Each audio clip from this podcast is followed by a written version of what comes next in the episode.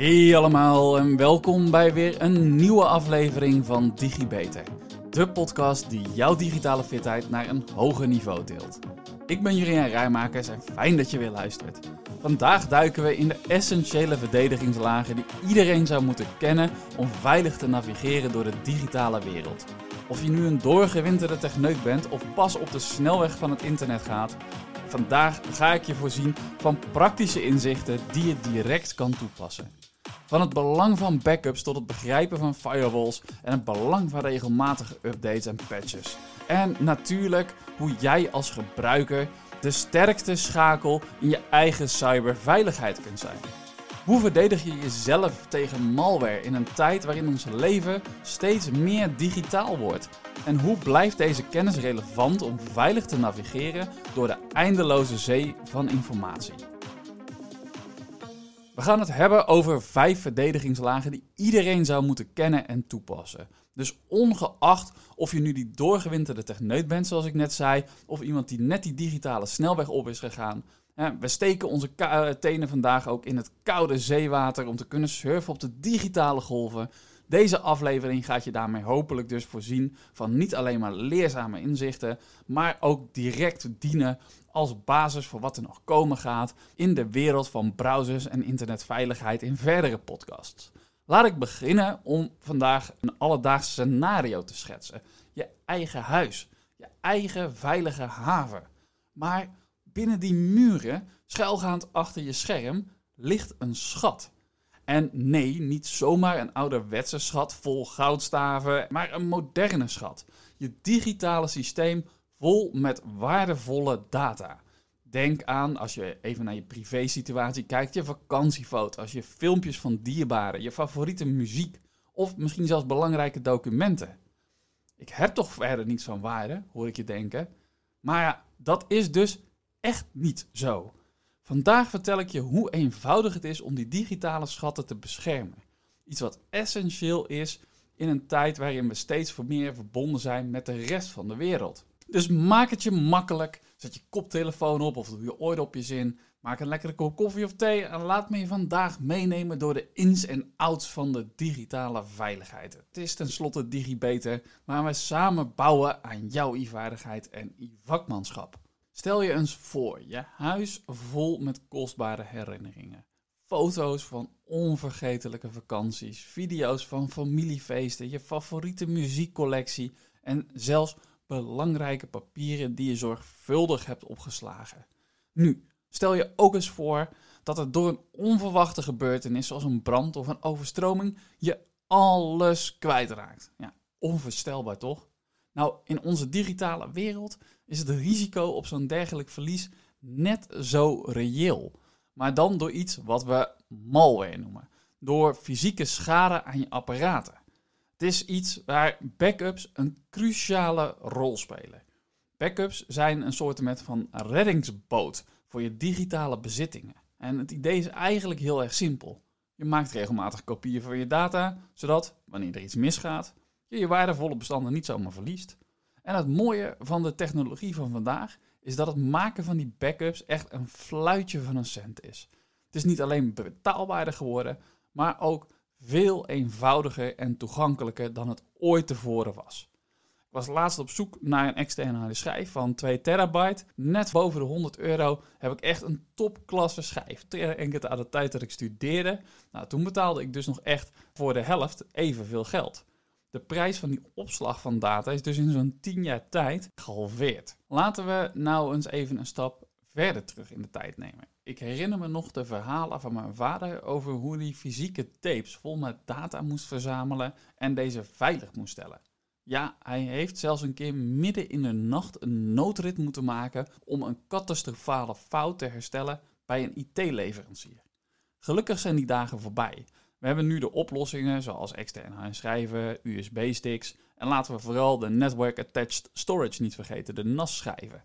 En voor organisaties is de opkomst van de cloudopslag echt een enorme gamechanger geweest. Je hoeft nu niet meer in het holst van de nacht met die tapejes onder je arm door het hele land te reizen. Maar zoals vaak met technologie komen er nieuwe overwegingen bij kijken. Want ja, zelfs die cloudopslag, of misschien wel zeker die cloudopslag, is niet zonder risico's. Het is dus van cruciaal belang om te weten waar je backups bewaard worden en wie er toegang toe heeft. Versleuteling en sterke wachtwoorden zijn hierbij sleutelwoorden. Dus als je nu denkt, nou ja, nou, dat klinkt allemaal wel heel technisch, Juriaan. Nou, maak je geen zorgen. Het maken van een backup kan net zo eenvoudig zijn als het aansluiten van een externe harde schijf en het klikken op kopieer. Of het gebruik maken van cloud services, instellen van een automatische backup routine. En het is een kleine moeite die een wereld van verschil kan maken. En vergeet niet waarom je het doet. Je digitale bezittingen zijn net zo waardevol en kwetsbaar als je fysieke bezittingen. Dus laten we ze beschermen met diezelfde ijver die je daar ook toont. Zie het als een soort van uh, ja, een verzekering die je hopelijk nooit nodig zal hebben. Maar als de dag er komt, je wel ontzettend blij bent dat je voorbereid was. En met die gedachte wil ik verder gaan naar de volgende laag van de digitale verdediging. We gaan dan duiken in de wereld van de firewalls, de wachters van je digitale domein. Want ik heb het dus nu gehad over die backups, die dienen als jouw digitale reddingsboei. Maar het is nou wel tijd om je even voor te gaan stellen dat je in een digitaal huis zit. Een huis waar al je data veilig in bewaard blijft. Goed vergrendeld moet zijn. Niet alleen de voordeur, maar elk raam en elke kier. En dat, die verdediging, die vergrendeling, die brengt ons bij de tweede verdedigingslinie. De verdedigingslinie tegen digitale indringers. De firewall. Het geval van nood is nu geborgd met een reddingsboei doordat we die gereed hebben. En we focussen ons nu op het in stelling brengen van de wachters van je digitale domein. Laten we de firewall eens even visualiseren. Visualiseren als een soort digitale bodyguard die waakt over de ingangen van je stelsel, van je netwerk. Stel je voor, je bent op een bruisende marktplaats. Je wisselt informatie uit, je doet er wat transacties, hè. je koopt er wat en je geeft er geld voor. En je geniet van het gezelschap. Maar tussen al die vriendelijke gezichten loeren er ook figuren die altijd minder goede intenties hebben. Net zoals in de echte wereld wil je natuurlijk niet dat een zakkenroller je portemonnee steelt. En zo wil je ook niet dat een crimineel bij jou binnen kan komen en er met je persoonlijke gegevens aan de, haal gaat. Een firewall die analyseert het internetverkeer dat binnenkomt en dat er vervolgens weer uitgaat en die besluit wat er doorheen mag en wat niet. En nu hoop ik natuurlijk dat je denkt: wow, wat geweldig. Maar hoe werkt zo'n firewall dan? Nou, het principe is een beetje te vergelijken met de beveiliging bij een nachtclub. De beveiliging heeft vaak een lijst met genodigden. Die lijst met genodigden die laat zien wat je nou aan verkeer toestaat en een lijst van ongenodigde gasten. Potentieel kwaadwillende datastromen. De firewall controleert de identificatie van het inkomende en uitgaande verkeer. Alles wat herkend wordt als legitiem, als geldig, als goed verkeer, zoals het bezoek aan een bekende website of een e-mail aan een vertrouwde collega, dat wordt allemaal toegelaten. Maar wat onbekend is of verdacht is, dat wordt de toegang ontzegd. Maar ja, ook hier, net als de beste bodyguard, kan een firewall natuurlijk ook gewoon dingen over het hoofd zien. Ze zijn niet perfect. En zelfs al zouden ze perfect zijn, zijn er altijd wel weer mensen die er een weg omheen weten te vinden. Sommige malware kan slim genoeg zijn om zich voor te doen als legitiem verkeer. En zo de firewall omzeilen. En dat is waarom je ook niet blindelings kan vertrouwen op alleen een firewall. Het is wel een essentiële laag van bescherming, maar het is geen ondoordringbare muur. En dat brengt me bij een belangrijk punt. Want hoewel er een firewall dus een belangrijke rol speelt in je verdediging, is het slechts weer één deel van een veel grotere beveiligingsstrategie. Het helpt je om bekende bedreigingen tegen te houden, maar het is ook belangrijk om je er bewust van te zijn dat er nieuwe risico's kunnen ontstaan. Regelmatig je firewall-instellingen bijwerken en begrijpen wat het doet, is net zo belangrijk als het hebben ervan. Firewalls kennen vele vormen, of althans vele. Dus je kent ze in software op je computer, maar ze kunnen ook zitten als hardware in je netwerk. Of een combinatie van alle twee. Ze kunnen eenvoudig zijn, iets wat je met een paar klikken instelt, tot heel complexe systemen die door IT-professionals worden beheerd. En met de fundamenten van een firewall in je achterzak gaan we door naar de volgende laag van bescherming. Hè? Want je snapt nou, je moet gewoon zelf eens even gaan kijken hoe ga je nou zo'n firewall op je eigen systeem zetten. Het up-to-date houden van de volgende laag van je bescherming, het houden van je systemen met updates en patches, dat is de volgende laag die belangrijk is. Ik raakte er in de vorige podcast ook al even aan, maar nu gaan we inzoomen op een essentieel aspect van onze digitale gezondheid. Essentieel aspect. De updates en de patches. En waarom de digitale gezondheid? Dat is omdat ik daar dadelijk in een beeldspraak verder op wil gaan. Elke software, eh, elk softwareprogramma dat je gebruikt van je besturingssysteem tot de kleinste app, die is gebouwd door mensen. Zoals alles wat menselijk is, is dus ook software niet perfect. Elke regelcode kan kwetsbaarheden bevatten die cybercriminelen vervolgens weer willen uitbuiten. En deze kwetsbaarheden zijn de potentiële gaten waar malware naar binnen sluipt om vervolgens de schade aan te richten. Stel je een wereld voor waarin malwareaanvallen alleen succesvol zijn als ze de zwakke plekken in je systeem vinden. Vaak zijn deze aanvallen onzichtbaar omdat mislukte pogingen niet worden geregistreerd. Neem bijvoorbeeld een Windows-gebruiker en een Mac-gebruiker. Uh, ja, malware die specifiek voor het ene systeem ontworpen is, faalt meestal op het andere, omdat het daar simpelweg niet past. Maar de jacht op deze kwetsbaarheden is een dagelijkse realiteit. Cybercriminelen speuren onophoudelijk naar de zwakste schakels in populaire systemen om hun aanvallen te lanceren. Aan de andere kant werken softwareontwikkelaars net zo hard om hun digitale vesting te versterken. Het is een kat-en-muisspel, een beetje Tom en Jay. Het wordt soms verrijkt door ethische hackers die, hun zogenaamde, ja, die in zogenaamde bounty-programma's kwetsbaarheden ontdekken en rapporteren in ruil voor een beloning. En niet een bounty dan, maar echt een goede beloning. Een praktijk die helpt om de veiligheid van software te verhogen voordat kwaadwillenden die kunnen gebruiken. Of eigenlijk misbruiken. Ik wil dan ook even een misverstand uit de wereld helpen. Het idee, if it ain't broken, you don't have to fix it, dat gaat in de digitale wereld niet op. Cyberdreigingen zijn altijd in ontwikkeling. En oude beveiligingsmaatregelen kunnen nieuwe trucs van hackers niet altijd aan. Daarom is het up-to-date blijven met je software net zo belangrijk als het hebben van een goede firewall. En laten we nou niet vergeten dat er ook zero-day kwetsbaarheden zijn, waarbij een zwakke plek in software wordt ontdekt en uitgebuit nog voordat de ontwikkelaar zelf het bestaan zelfs maar weet.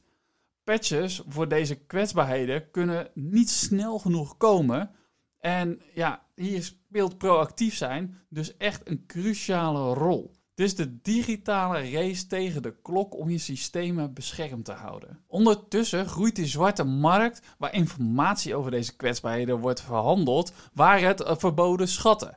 Zodra er een lek wordt ontdekt, reageren softwareleveranciers dus zo snel mogelijk met patches. Onze digitale pleisters die de blootgelegde zwakke plekken moeten afdekken. Maar ja, laten we heel eerlijk zijn, dit is vaak echt maar een tijdelijke fix een noodverbandje op, ja, totdat de wond, de kwetsbaarheid, volledig genezen is.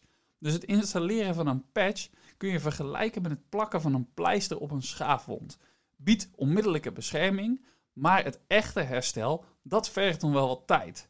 En net zoals je nou, dat niet wilt in een echte wond, dat die zich weer heropent of dat die geïnfecteerd raakt, moet je dus wel ervoor zorgen dat je digitale systemen beschermd blijven tegen nieuwe aanvallen. Het beveiligen van onze digitale wereld gaat echt verder dan alleen het toepassen van een snelle oplossing. Vereist continue waakzaamheid, regelmatige controles en toewijding aan voortdurende verbetering. En ik kan me best wel voorstellen dat dat niet iedereen evenveel interesseert. Maar terwijl we onze systemen pleisteren, hè, terwijl we ze plakken, die pleisters, die wonden plakken, moeten we ook werken aan de onderliggende gezondheid van die digitale omgeving. Om te waarborgen dat die sterk blijft. Zelfs tegen de slimste dreigingen. En met dit in gedachten is het dan ook tijd om te kijken naar een ander essentieel aspect van onze digitale gezondheid. En cybersecurity software onze digitale waakhonden, die cybersecurity software dan, tegen de veelheid aan online dreigingen. En als je ooit een waakhond gehad hebt, dan weet je misschien hoe geruststellend de blaf kan zijn van zo'n hond. Het is een teken van waakzaamheid, een signaal dat er iemand over je domein waakt. In de digitale wereld is cybersecurity software jouw waakhond.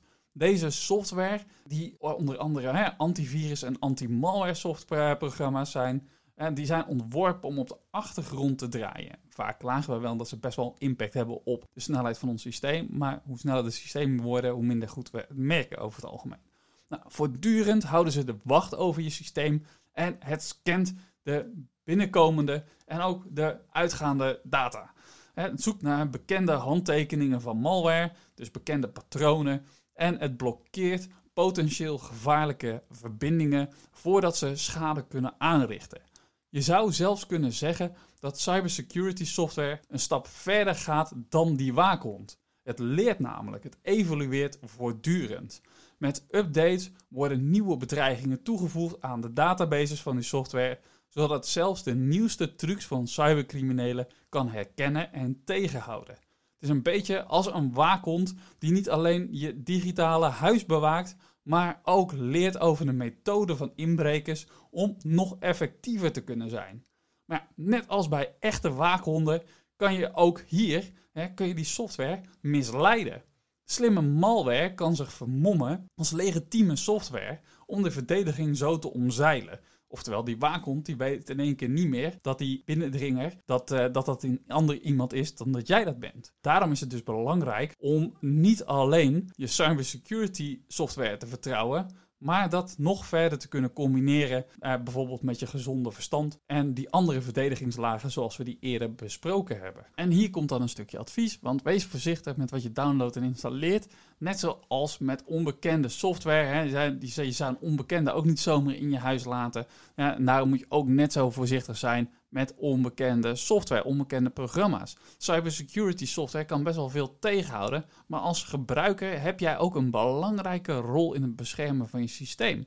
Bovendien is het essentieel om je te beseffen dat cybersecurity software niet alleen om preventie draait, draait ook om reactie. Als er iets door de mazen heen glipt, dan helpt cybersecurity bij het identificeren en opruimen van de indringer. Vergelijkbaar met hoe die waakhond een indringer zou najagen. Maar als de hond aanslaat en jij de hond weer terugfluit, ja, hoeveel nut heeft het dan dat je een goed getrainde waakhond had? Dus of het nu gaat om antivirusprogramma's, anti-malware tooling of een volledige beveiligingssuite Investeer in betrouwbare cybersecurity software. En vergeet niet die software dan ook regelmatig te updaten en ervoor te zorgen dat het programma op de hoogte is van die laatste dreigingen.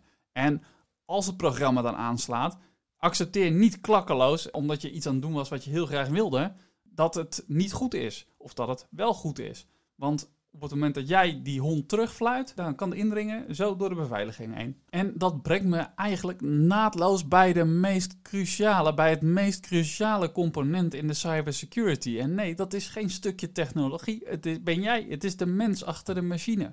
Hoe kan jij als gebruiker je eigen veiligheid en die van anderen versterken? We hebben het gehad over de digitale reddingsboeien in de vorm van backups, over firewalls en onze poortwachters en onze onvermoeibare waakhonden die we cybersecurity software noemen. Maar er is één element dat al deze lagen van beveiliging bij elkaar brengt en dat ben jij. Dat is de gebruiker. Je kan de beste beveiligingstechnologieën hebben, maar als je als eindgebruiker niet snapt hoe je deze moet gebruiken of welke dreigingen er zijn, dan kan zelfs die sterkste muur omvergeworpen worden. En daarom is jouw bewustzijn, jouw kennis, jouw waakzaamheid de sleutel tot het versterken van elke laag van bescherming die we hebben besproken. En educatie, opleiding speelt hier een gigantische rol. Het gaat erom dat je leert herkennen wat phishingpogingen zijn dat je weet welke soorten malware er bestaan. En dat je de tactieken begrijpt die cybercriminelen toepassen, die ze gebruiken om je te verleiden tot het klikken op die ene schadelijke link. Denk eraan, in veel gevallen ben jij de laatste controlepost voordat iets potentieel schadelijks toegang krijgt tot je systeem. Het is een beetje net als het leren van EHBO, die eerste hulp bij ongelukken. Je hoopt het eigenlijk nooit nodig te hebben, maar als het moment daar is, dan kan je kennis levensreddend zijn. Zo is het ook met digitale veiligheid. Je voorbereiden, jezelf trainen in digitale hygiëne. Kan een groot verschil maken tussen een veilige digitale ervaring en een rampscenario. En laten we niet vergeten, de technologie is er hier om ons te dienen, niet om ons meester te maken. Het regelmatig bijwerken van jouw digitale vaardigheden is net zo belangrijk als het up-to-date houden van je software. Neem dus de tijd om vertrouwd te raken met de instellingen van je apparaten, om de principes van veilige wachtwoorden te begrijpen en om te leren over de twee-factor authenticatie. Allemaal stukjes van die puzzel om jouw digitale leven compleet te maken. En gelukkig voor jou zijn er allemaal podcasts waarin ik dat al eerder behandeld heb. En weet je, het mooie van deze reis naar digitale bekwaamheid is dat het een doorlopend proces is. Die technologie verandert voortdurend en we moeten ons blijven aanpassen en blijven leren, blijven groeien. En zo wil ik onze digitale veiligheidstocht voor vandaag, voor dit deel afronden. We zijn gegaan van het veiligstellen van persoonlijke data met backups tot het bewaken van virtuele muren van je netwerk met firewalls, het constant versterken met uh, updates en patches, tot het waakzaam houden van je digitale systeem met de nieuwste cybersecurity software. En boven alles, ik heb benadrukt dat jij, de gebruiker, het meest krachtige bent, de meest beslissende component bent in die keten van digitale veiligheid. En met deze kennis in onze achterzak gaan we verder door onze tenen in het water te steken in de koude golven bij het surfen op de digitale zee. Kennis die ik je ook vandaag nog wil meegeven en die vooral goed is als verdere achtergrond voor latere podcasts waarin ik het wil gaan hebben over hoe je nu nog beter, veiliger over de datagolven van het wereldwijde web kan surfen. En om dat goed te kunnen volgen, wil ik je eerst vragen om je te proberen een digitaal systeem voor te stellen. Als een doos. Een doos vol met applicaties waarvan een van die applicaties je browser is. Zoals Firefox, Chrome, Safari of bijvoorbeeld Microsoft Edge. En je helpt om contact te maken met het wereldwijde web. En stel je vervolgens die applicatie weer voor als een doos in een doos die je digitale systeem is en in die doos zitten weer nieuwe componenten, namelijk een HTML-viewer eh, en een aantal uitvoerende bestanden die op je digitale systeem contact hebben met het cachegeheugen en de normale harde schijf waarop je je bestandsopslag doet. Nou heb ik een aantal van deze componenten al een keertje uitgelegd, maar ik wil het toch nog eventjes wat gaan toelichten. Dus laat me eerst de cachegeheugen, laat me dat eerst even met een metafoor uitleggen, waarbij je cachegeheugen is als de favoriete snacklader van je computer. Stel je voor, je bent bezig met een intensieve taak en je hebt snel energie nodig. Nou, in plaats van naar de supermarkt te rennen voor snacks, trek je gewoon die snackladen open voor je favoriete energiereep en die noten die je daar bewaard hebt. Bespaart je tijd en het houdt je op de been om je door de taken heen te werken. Nou, in computertermen, wanneer je centrale verwerkingseenheid, de CPU, bepaalde gegevens nodig hebt, hè, voor bijvoorbeeld hier je browser, dan zou je naar de harde schijf moeten gaan om die gegevens op te halen. Nou, dat zou een relatief langzaam proces zijn. Maar met cachegeheugen slaat het systeem recent gebruikte of vaak gebruikte gegevens op in een snellere en veel eenvoudig toegankelijkere plek.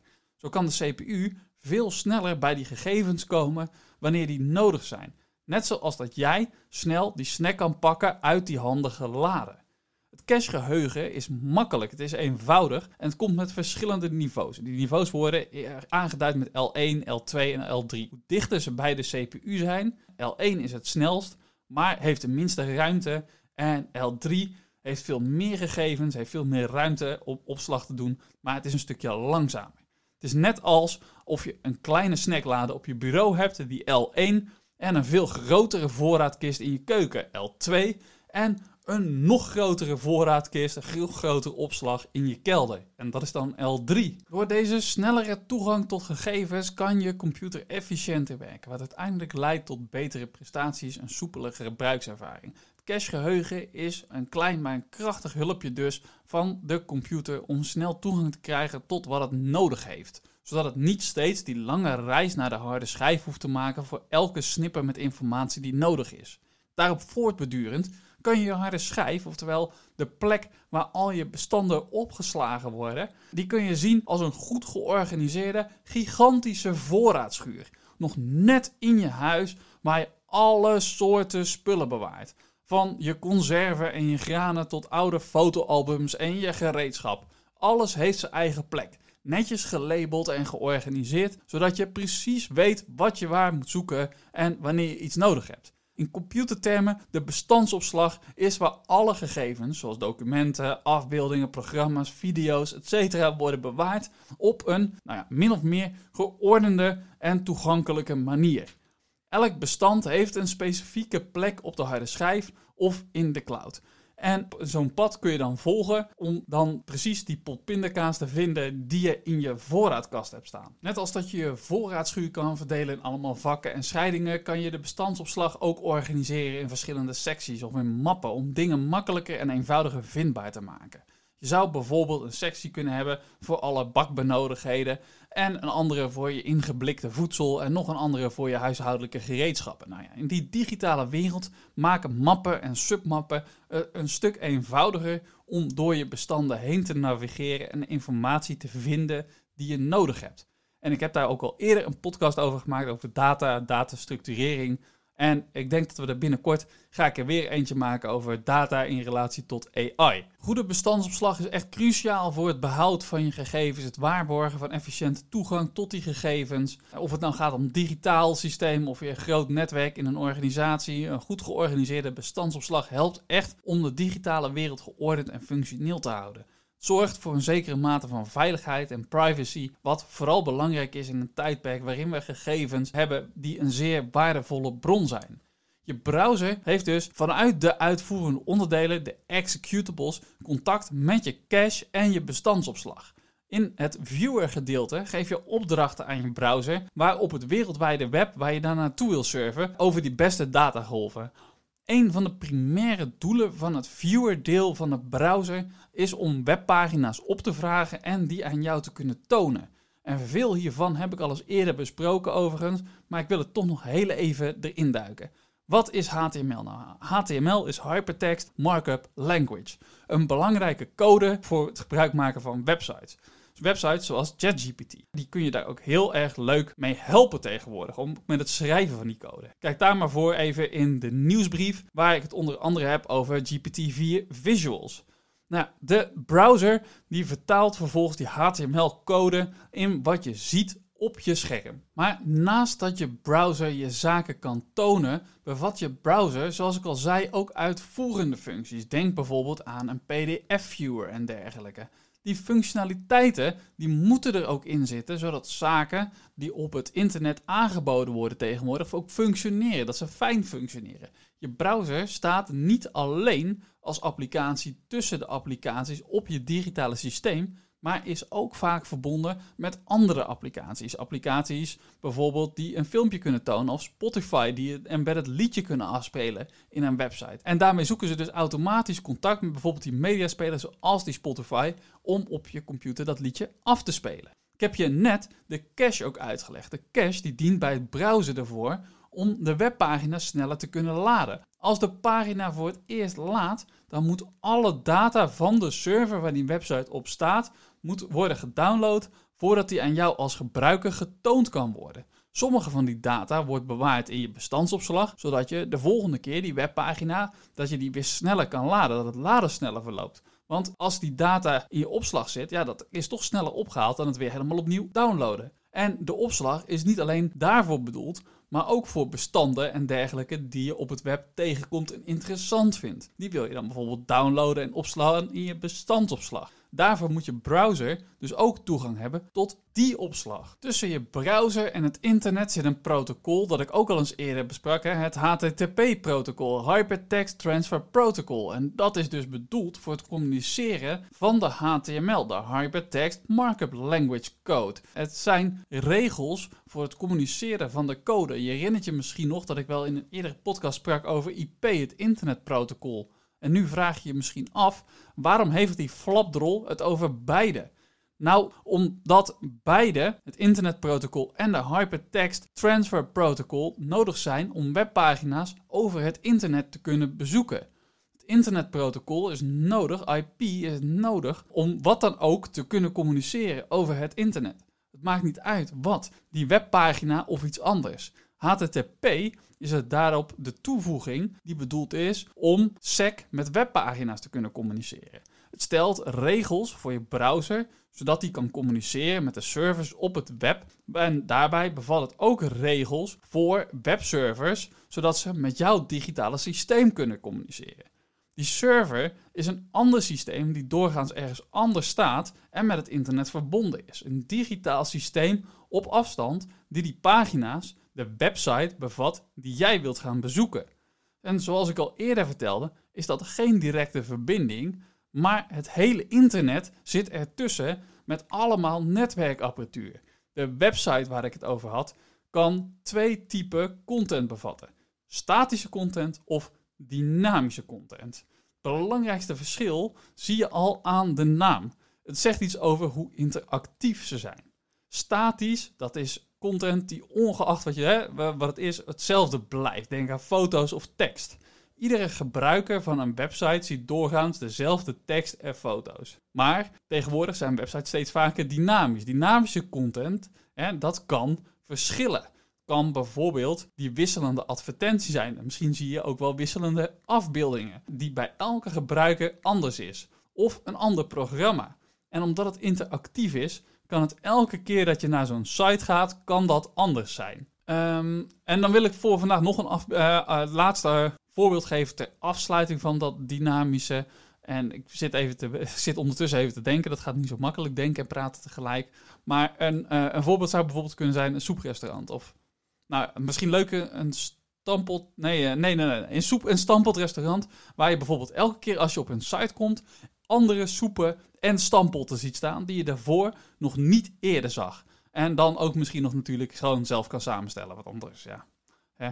Wat wil je anders? Zo, en hoe je nu na vandaag weet hoe je kan wapenen en je tenen alvast wat opgewarmd zijn voor de volgende keer waarin we gaan, willen gaan kijken naar data, uh, de semi-gestructureerde van, data, uh, van HTML-code en meer.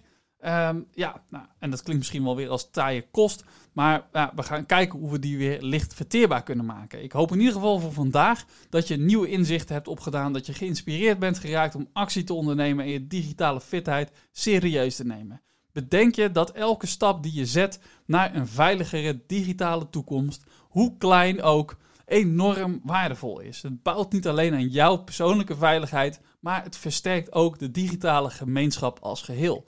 Jezelf opleiden, het bijhouden van de laatste trends, ontwikkelingen op het gebied van onder andere informatiebeveiliging is daarmee een essentiële stap om je digitale omgeving veilig te houden. En zoals ik al eerder zei, je kan natuurlijk ook gewoon lekker blijven luisteren naar de podcast en je inschrijven voor onze nieuwsbrief op digibeter.substack.com. Dat was het voor deze aflevering. Hartelijk dank voor het luisteren en ik kijk er naar uit om je bij de volgende weer te verwelkomen. Tot de volgende keer. Tot de volgende DigiBeter. Vond je dit nu een leuke uitzending en wil je meer weten? Abonneer je dan op de podcast door op volgen te klikken. Het duimpje omhoog en geef een beoordeling van bijvoorbeeld 5 sterren, zodat nog meer mensen deze podcast kunnen vinden. Wil je collega's, vrienden, familie, zoals je opa of oma, net zoveel plezier doen en ze digitaal fitter krijgen? Deel dan de podcast. En zo worden we samen allemaal digitaal. Heb je een vraag over wat er verteld is in de podcast? Een bepaald onderwerp dat je graag terug zou willen horen? Of wil je gewoon laten weten dat je erg van de podcast genoten hebt? Je kan mij feedback geven en vragen stellen via LinkedIn. Zoek dan even naar Juriaan Rijmakers. Hoe dan ook, na deze podcast ben je weer een beetje digifitter. Tot de volgende keer, tot de volgende DigiBeter.